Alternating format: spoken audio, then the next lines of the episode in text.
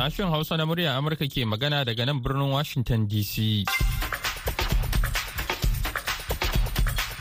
Masu sauraro Assalamu alaikum barkanku da wannan lokaci. Muhammad Hafiz Baballe ne tare da Maryam Dauda a sauran abokan aiki muka sake dawo a shirinmu na hantsi a yau ranar Talata bakwai ga watan Maris na shekarar 2023.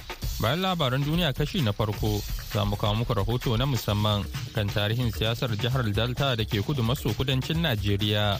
Kamar kowace ranar Talata za a ji shirin 'yan ƙasa da hukuma na Mahmud Ibrahim Kwari sai kuma sharhin jaridin Nijar.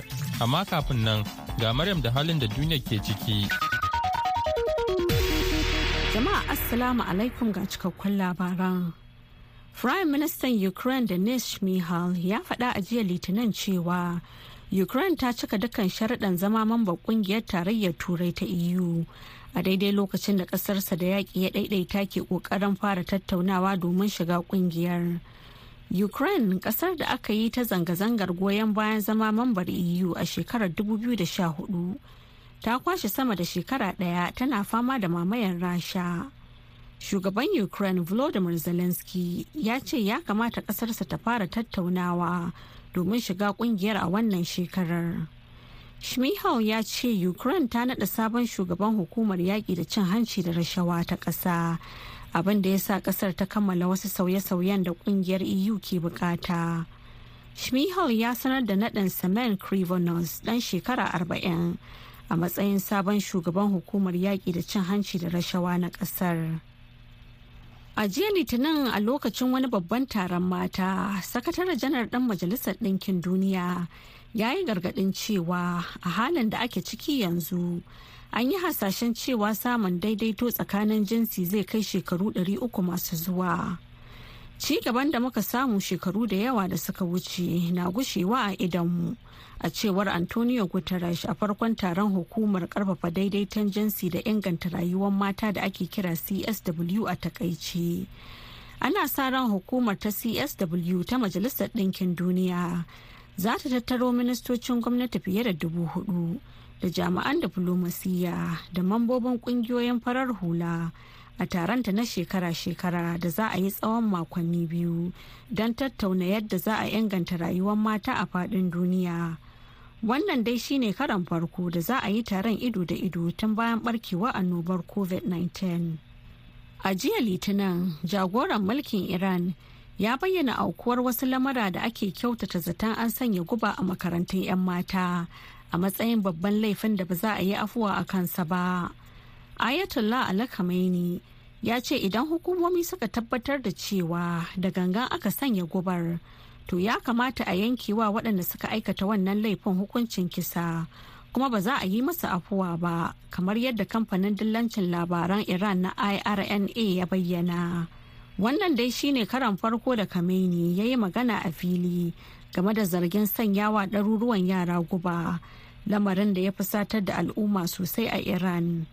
Shugaban iran ibrahim ra'isi a makon da ya gabata ya ba da umarnin a gudanar da bincike akan cututtukan da ake samu a tsakanin mata 'yan makaranta a makarantu fiye da hamsin tun daga watan nuwamba.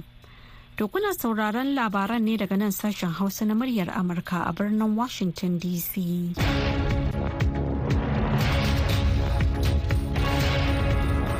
mu kawo muku sauran labaran da muke ɗauke da su za mu fara kawo muku rahotonmu na farko a ci gaba da kawo muku rahotanni na musamman kan halin rayuwa a jihohin Najeriya inda ake shirin gudanar da zaɓen gwamnoni da na 'yan majalisun dokokin jihohi. Wakilinmu na yankin Neja Delta, Lamida Abubakar Sokoto, yayin mana nazarin tarihin siyasa a jihar Lamida gare ka.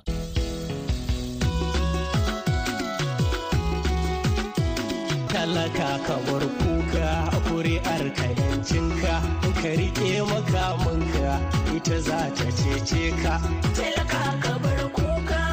An kirkiro da jihar Delta ne da ke yankin Niger Delta daga jihar Edo wadda ake kira Bendel a baya a ranar 27 ga watan Agusta na shekara ta 1991. Jihar Delta dai a yanzu ta yi iyaka da jihohin Edo, Anambra da kuma jihar Rivers. Haka kuma lokacin an kirkiro da jihar tana da ƙananan hukumomi goma sha biyu kacal kamin daga bisani a ƙara mata su koma ƙananan hukumomi ashirin da biyar kuma gwamnan mulkin soji na farko shine iya loki ciku wanda ya kama mulki daga ranar 28 ga watan na agusta na shekara ta 1991 lokacin zamanin mulkin tsohon shugaban ƙasar tarayyar najeriya ibrahim banmasi babangida. Haka kuma jihar ta samu gwamnan farar hula na farko wato mr phyllis ibu a shekarar 1992 a yanzu kuma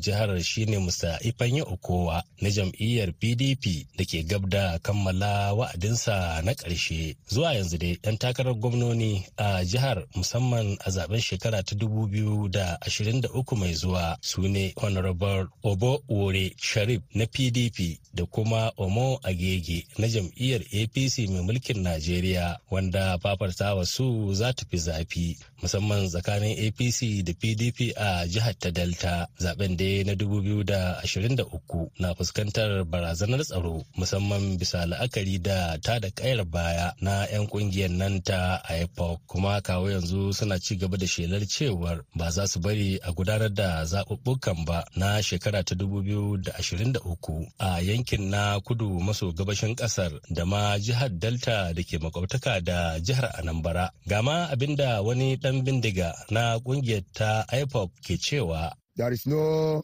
election and there will be no election in eastern region.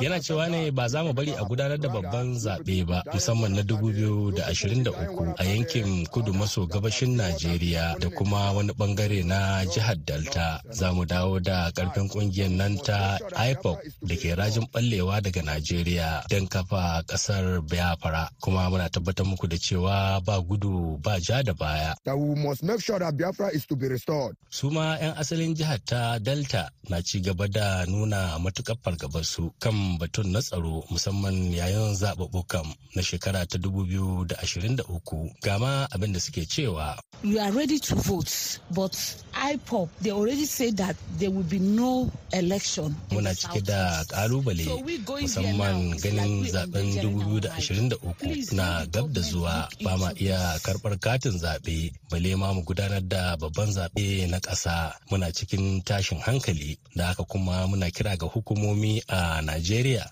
da su ɗauki matakai don ganin cewa mun gudanar da zaɓe na ƙasa. Ana fitan da na kan wake. Muna buƙata saboda mun hito zan mu yi zaɓe. Da wani ɓaci zan mu yi zaɓe. Amma abu da muka buƙata muna buƙata muna gwamnatin tarayya saboda akwai matsalar tsoro wajen da ka kawo muna matsaloli wurin nan da kashe-kashe da amino ba da sauran wajen da ka kowa da mutane.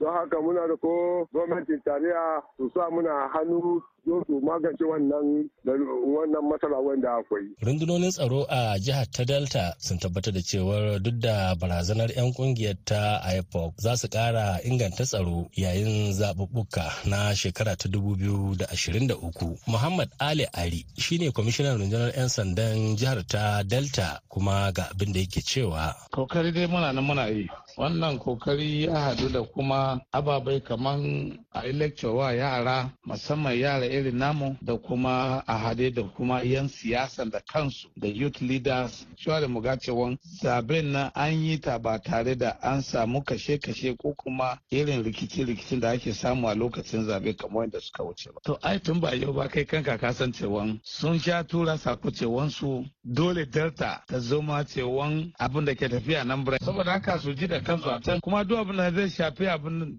maganar siyasa a ce ba za a yi zaɓe ba a kasan ba roma da wannan mun mun san za a yi zaɓe a nan ba abin da za su yi nan za a yi zaɓe insha Allah. Lamido Abubakar Sokoto muryar Amurka daga Fatakwal, Najeriya.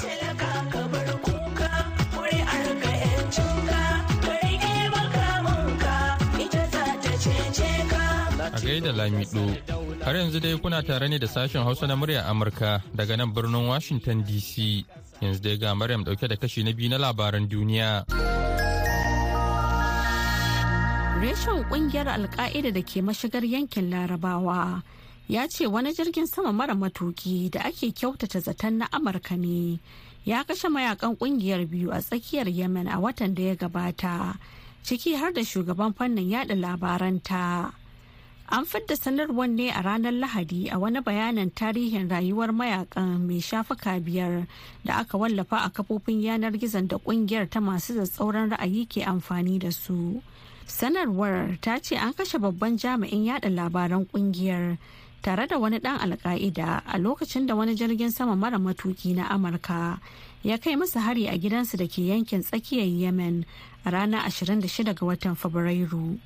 Sai dai hukumar leƙen asirin amurka ta cia bata ce komai ba game da haran da ake zargin ƙasar da kaiwa.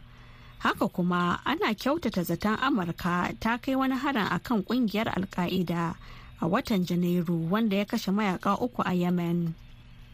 Za a hukunta matan da suka saba dokar sanya kaya bisa tsarin musulunci a iran in ji babban jami'in ma'aikatar shari'a ƙasar gulam hussein hussaini ejai a jiya litinin a cewar kamfanin dillancin labaran irna yana mai jaddada dokar bayan da aka shafa watanni ana zanga-zanga da tashin hankali sakamakon tsauraran matakan tsaro da aka ɗauka. cire hijabi tamkar nuna ƙiyayya ne ga jamhuriyar musuluncin da kimarta za a hukunta waɗanda suka aikata irin waɗannan munanan ayyuka a cewar AJ.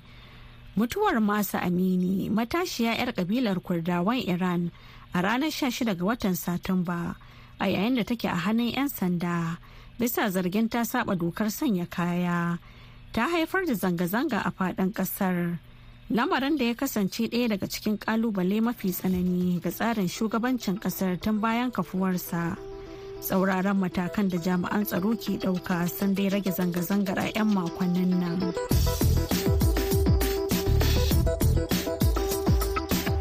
Gaida Maryam Dauda da ta karanto mana labaran duniya daga nan sashen Hausa na murya Amurka a birnin Washington DC.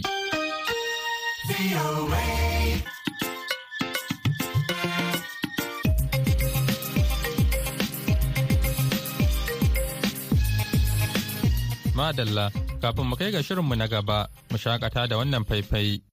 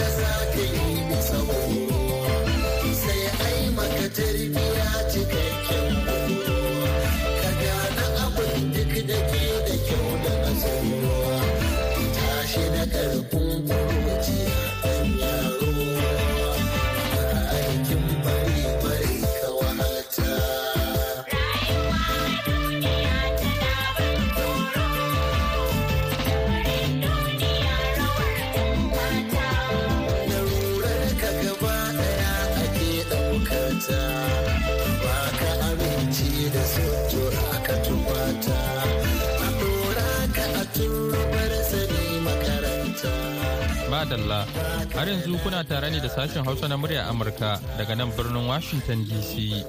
Muna kuma yada shirye-shiryen ne akan mitoci 1625 da kuma 31 a jamhuriyar Nijar kuma za a iya sauraron tashar mu ta BOA Africa akan mita 200.5 kuna kuma iya sauraron ma duk lokacin da kuke buƙata a voahausa.com yanzu kuma sai shirinmu na gaba. 'Yan ƙasa da hukuma. Fitina barci ta gaba ta fita, Allah wadaran mai ta da waɗanda suke da da jawo ta, haka nan da waɗanda ka kawo ta.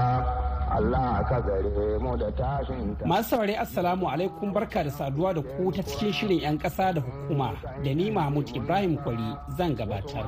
Zahirin gaskiya matakan da jami'an 'yan sanda suka ɗauka na gabatar da shi honorable ado doguwa ga kotu zai nuna cewa mutum ba zai zo abin da ya ga dama ya tafi babu hukunci. kaga wannan ci take nuna 'yan sanda mun yaba musu akan wannan abu da suke amma fatan mu wannan abin da suka yi da ya ɗore kada ana yabansa sallah kuma su gaza alula. Idan kai doguwa gaban babbar kotun majistire haramtaccen abu ne, to ba da belin shi a babbar kotun tarayya shi ma haramtaccen abu ne.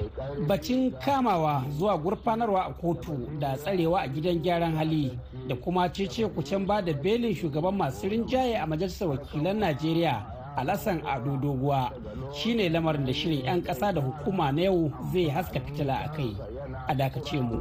A ƙasa duka kan ba tarbiyya ba ci gaba sai ta tsaya baya sai girman kai kaya kaya da kwafa da rashin tuna can baya ɗan ƙauye ya shiga alkarya. Madalla, masu kamar yadda ba za ku rasa masaniya ba, rundunar 'yan sanda a jihar Kano ta arewa maso yammacin Najeriya ta gurfanar da shugaban masu rinjaye na majalisar wakilan ƙasar wato alassan ado doguwa bisa tuhumarsa da hannu dumu-dumu kan tarzomar zaɓe a garin tudun wada na yankin kudancin kano inda rahotanni suka ce akalla mutane uku sun mutu kuma wasu da dama sun jikkata a yayin tarzomar. Tarzomar da ta biyo bayan wata arangama ne tsakanin magoya bayan jam'iyyar apc mai mulkin najeriya da na jam'iyyar hamayya ta nnpp a ranar lahadin da ta gabata. Mallaka da amfani da makami babu izinin hukuma tsarawa da hada baki wajen aikata miyagun laifuka. Kisan kai da ta da hankulan jama'a na daga cikin abubuwan da aka tuhumi alasan ado doguwa a zauren kotun ƙasa da sa'o'i 24 da gurfanar da alasan ado doguwa sai hukumar 'yan sanda ta jihar kano ta kama sabon dan majalisar tarayya mai wakiltar mazaɓar dala aliyu sani madakin gini. Tana tuhumarsa da yunkurin tada fitina a cikin al'umma da kuma mallakar makami babu izini. Tuni dai masu rajin shugabanci na gari a najeriya suka fara tsokaci akan wannan mataki na hukumar 'yan sandan kano.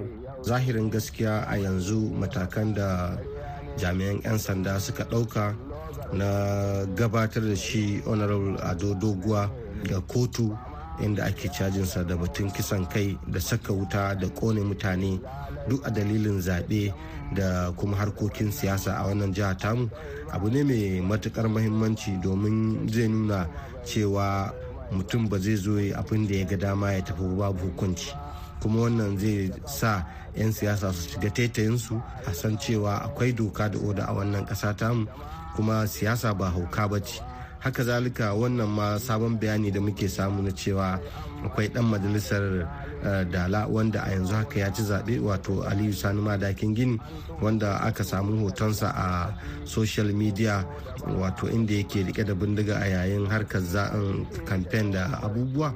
Wannan ma yadda hukumar 'yan sanda ta gayyace shi yana da matukan mahimmanci domin wannan ma zai kara karfafawa jama'a gwiwa su ce san cewa za su iya fitowa harkar zaɓe da duk al'amura na siyasa ba tare da wani ya yi musu razani da wani makami ba saboda haka muna fata wannan bincike zai tabbatar da cewa an yi wa jama'a adalci wannan abu ne da ya kamata a yaba hukumar 'yan sanda a jihar kano da ma najeriya gabaki ɗaya. comrade abdulrazak alkali kenan shugaban ƙungiyar ocean masu rajin shugabanci na gari mai shalkwata a kano.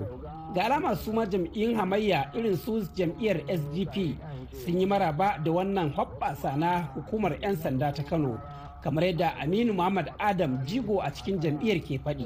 A matsayinmu na 'yan jam'iyyar hamayya da na 'yan sanda ta jihar kano mun yaba mata akan wannan abu da ta yi.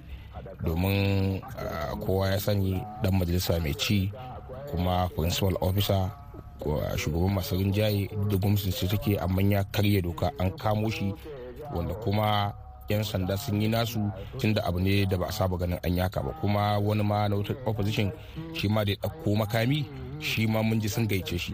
To kaga wannan ci take nuna mu 'yan sanda mun yaba musu akan wannan abu da suke amma fatan mu wannan abin da suka yi da ya ɗore kada ana yabansa sallah kuma su gaza alula muna fata wannan abin ya ɗore. To idan za a dinga kama manyan to kaga dan jigaliyar zai ɗau adda ko wuka izo ya fasa akwatu to kaga zai shiga taitayinsa. To ya batun kotu na tuna da su 'yan sanda su in sun kama sun yi binciken su kotu suke kaiwa kan. Daman generally matsalar najeriya judiciary ne kotuna ne. Idan kotuna suna abin da ya kamata ba za a yi abubuwan da ake a najeriya ba. A muna fatan alkalai su ji tsoron allah su duba ƙasar domin kotu tana gaba da kowa. To a jiya da marece ne dai babbar kotun tarayya da ke kano ta ba da belin alasan ado doguwa bisa wasu sharɗa da ta gindaya. Kuma ba za mu ji abin da masana doka ke faɗi game da hakan. Ni garba ina tausan kanmu ba ma fatawar neman samu sai za a ido a wajen damu. Me ya ni ta bidar ilimi shine manufar mulkin kanmu. Ilimi babban abu ne gunmu shi zai kankan ya mutuncinmu. A ƙasa shi ne akasin zulmu da yake buɗe ƙofar samu.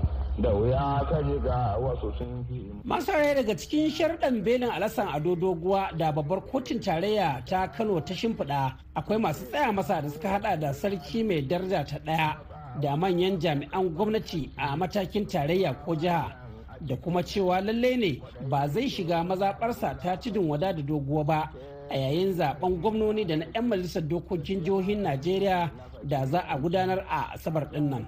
Barista audu bula mabukarci lauya ne da ke karatun digirin digirgir a jami'ar london ta ƙasar birtaniya ya yi fashin baki game da wannan batu.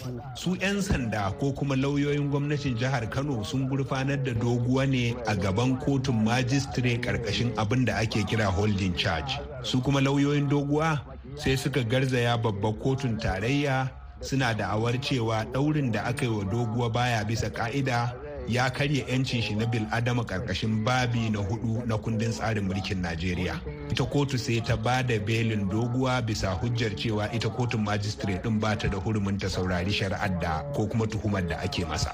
To gaskiya ne cewa ita kotun majistare ba ta da hurumi a wannan maganar. To amma inda gizo ke sakar ita ce cewa ita ma babbar kotun tarayya da ta ba da wannan umarnin ita ma ba ta da hurumi. Kaga kenan idan kai doguwa gaban babbar kotun majistare haramtaccen abu ne to ba da belin shi a babbar kotun tarayya shi ma haramtaccen abu ne. Dalili kuwa shine idan ana zargin mutum da hukuncin kisa kotu ɗaya ce take da hurumi a duk najeriya ita ce babbar kotun jiha. Saboda haka wannan umarni da ita babbar kotun tarayya ta bayar haramtaccen umarni ne. To amma akwai hanyoyi biyu zuwa uku da za mu iya gane ko da haɗin bakin gwamnatin jihar kano aka yi wannan abu ko babu.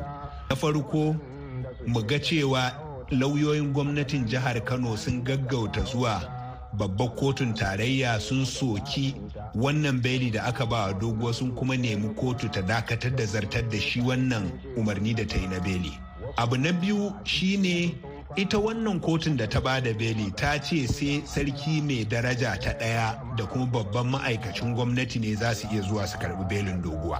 Idan ba da haɗin bakin gwamnatin jiha aka yi wannan abun ba to lalle ne gwamnatin jiha ta gargaɗi sarakuna baki ɗaya da manyan ma'aikatan gwamnati baki ɗaya cewa kada su je su karɓi belin doguwa. Abu na uku shine idan ba da haɗin bakin gwamnatin jiha aka yi wannan abu ba to ita gwamnatin jihar ta gaggauta gurfanar da doguwa a gaban babbar kotun jiha wadda take da hurumi. Kaga kenan idan ta yi haka to maganar beli bata taso ba tun da dama hujjar ita ce cewa an kai shi kotu mara hurumi. Idan kuma gwamnatin jihar kano ta ki yin duka ukun nan ko kuma ɗaya daga cikin ukun nan domin dogo ya ci gaba da zama a kurkuku to ta tabbata cewa da haɗin bakin su ake ƙoƙarin sakin shi ko kuma aka sake shi. Barista audu bulama bukarti kenan babban ɗalibi a jami'ar london a can ƙasar birtaniya kuma shine cikamakin shirin 'yan ƙasa da hukuma na yau. Sai makon gobe idan allah ya kai mu. Yanzu a madadin daukacin abokan aiki mahmud ibrahim kwari daga sashen hausa na muryar amurka ke cewa a huta lafiya. Wassalamu alaikum. A ƙasa duka mai mulkin kanta an so a tara da mutanenta a gaida mahmud ibrahim kwari yanzu kuma lokaci ne da sulamu mana barma zai kawo mana sharhin jaridun nijar.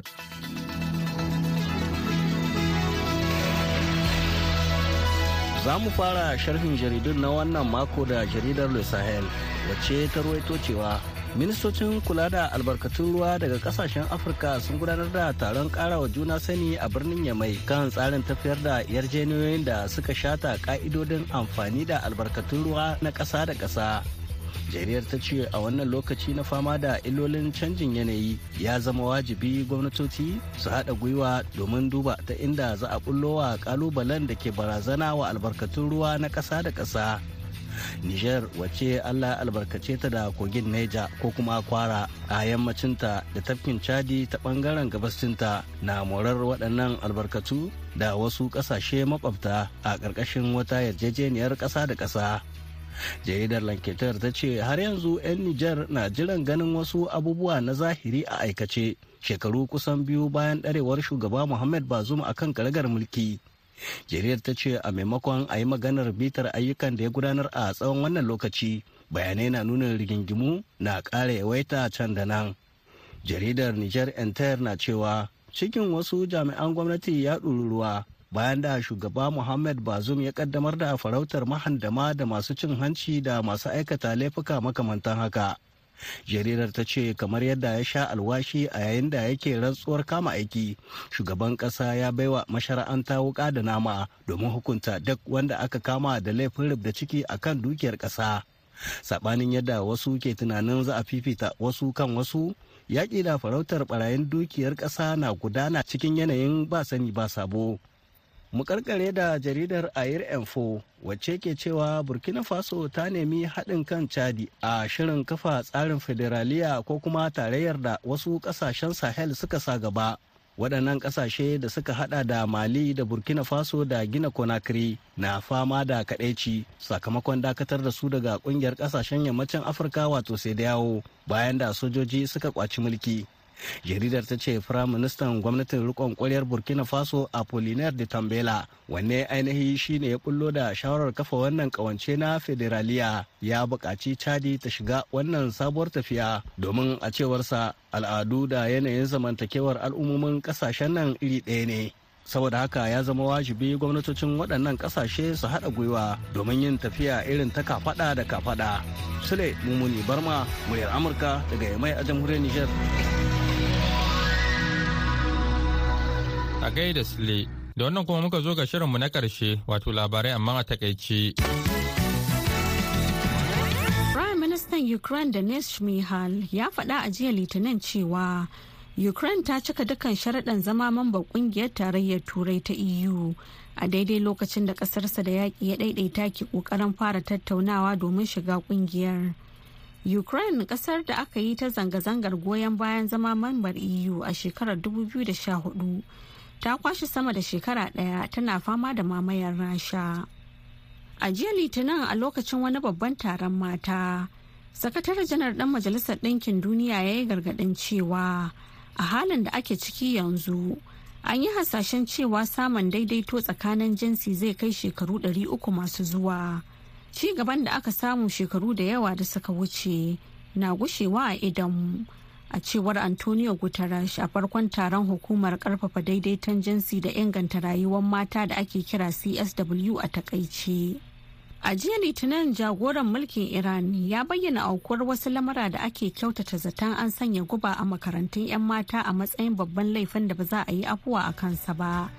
Ayatollah ali khamenei ya ce idan hukumomi suka tabbatar da cewa da gangan aka sanya gubar to ya kamata a yankewa waɗanda suka aikata wannan laifin hukuncin kisa kuma ba za a yi masa afuwa ba kamar yadda kamfanin dillancin labaran iran na irna ya bayyana.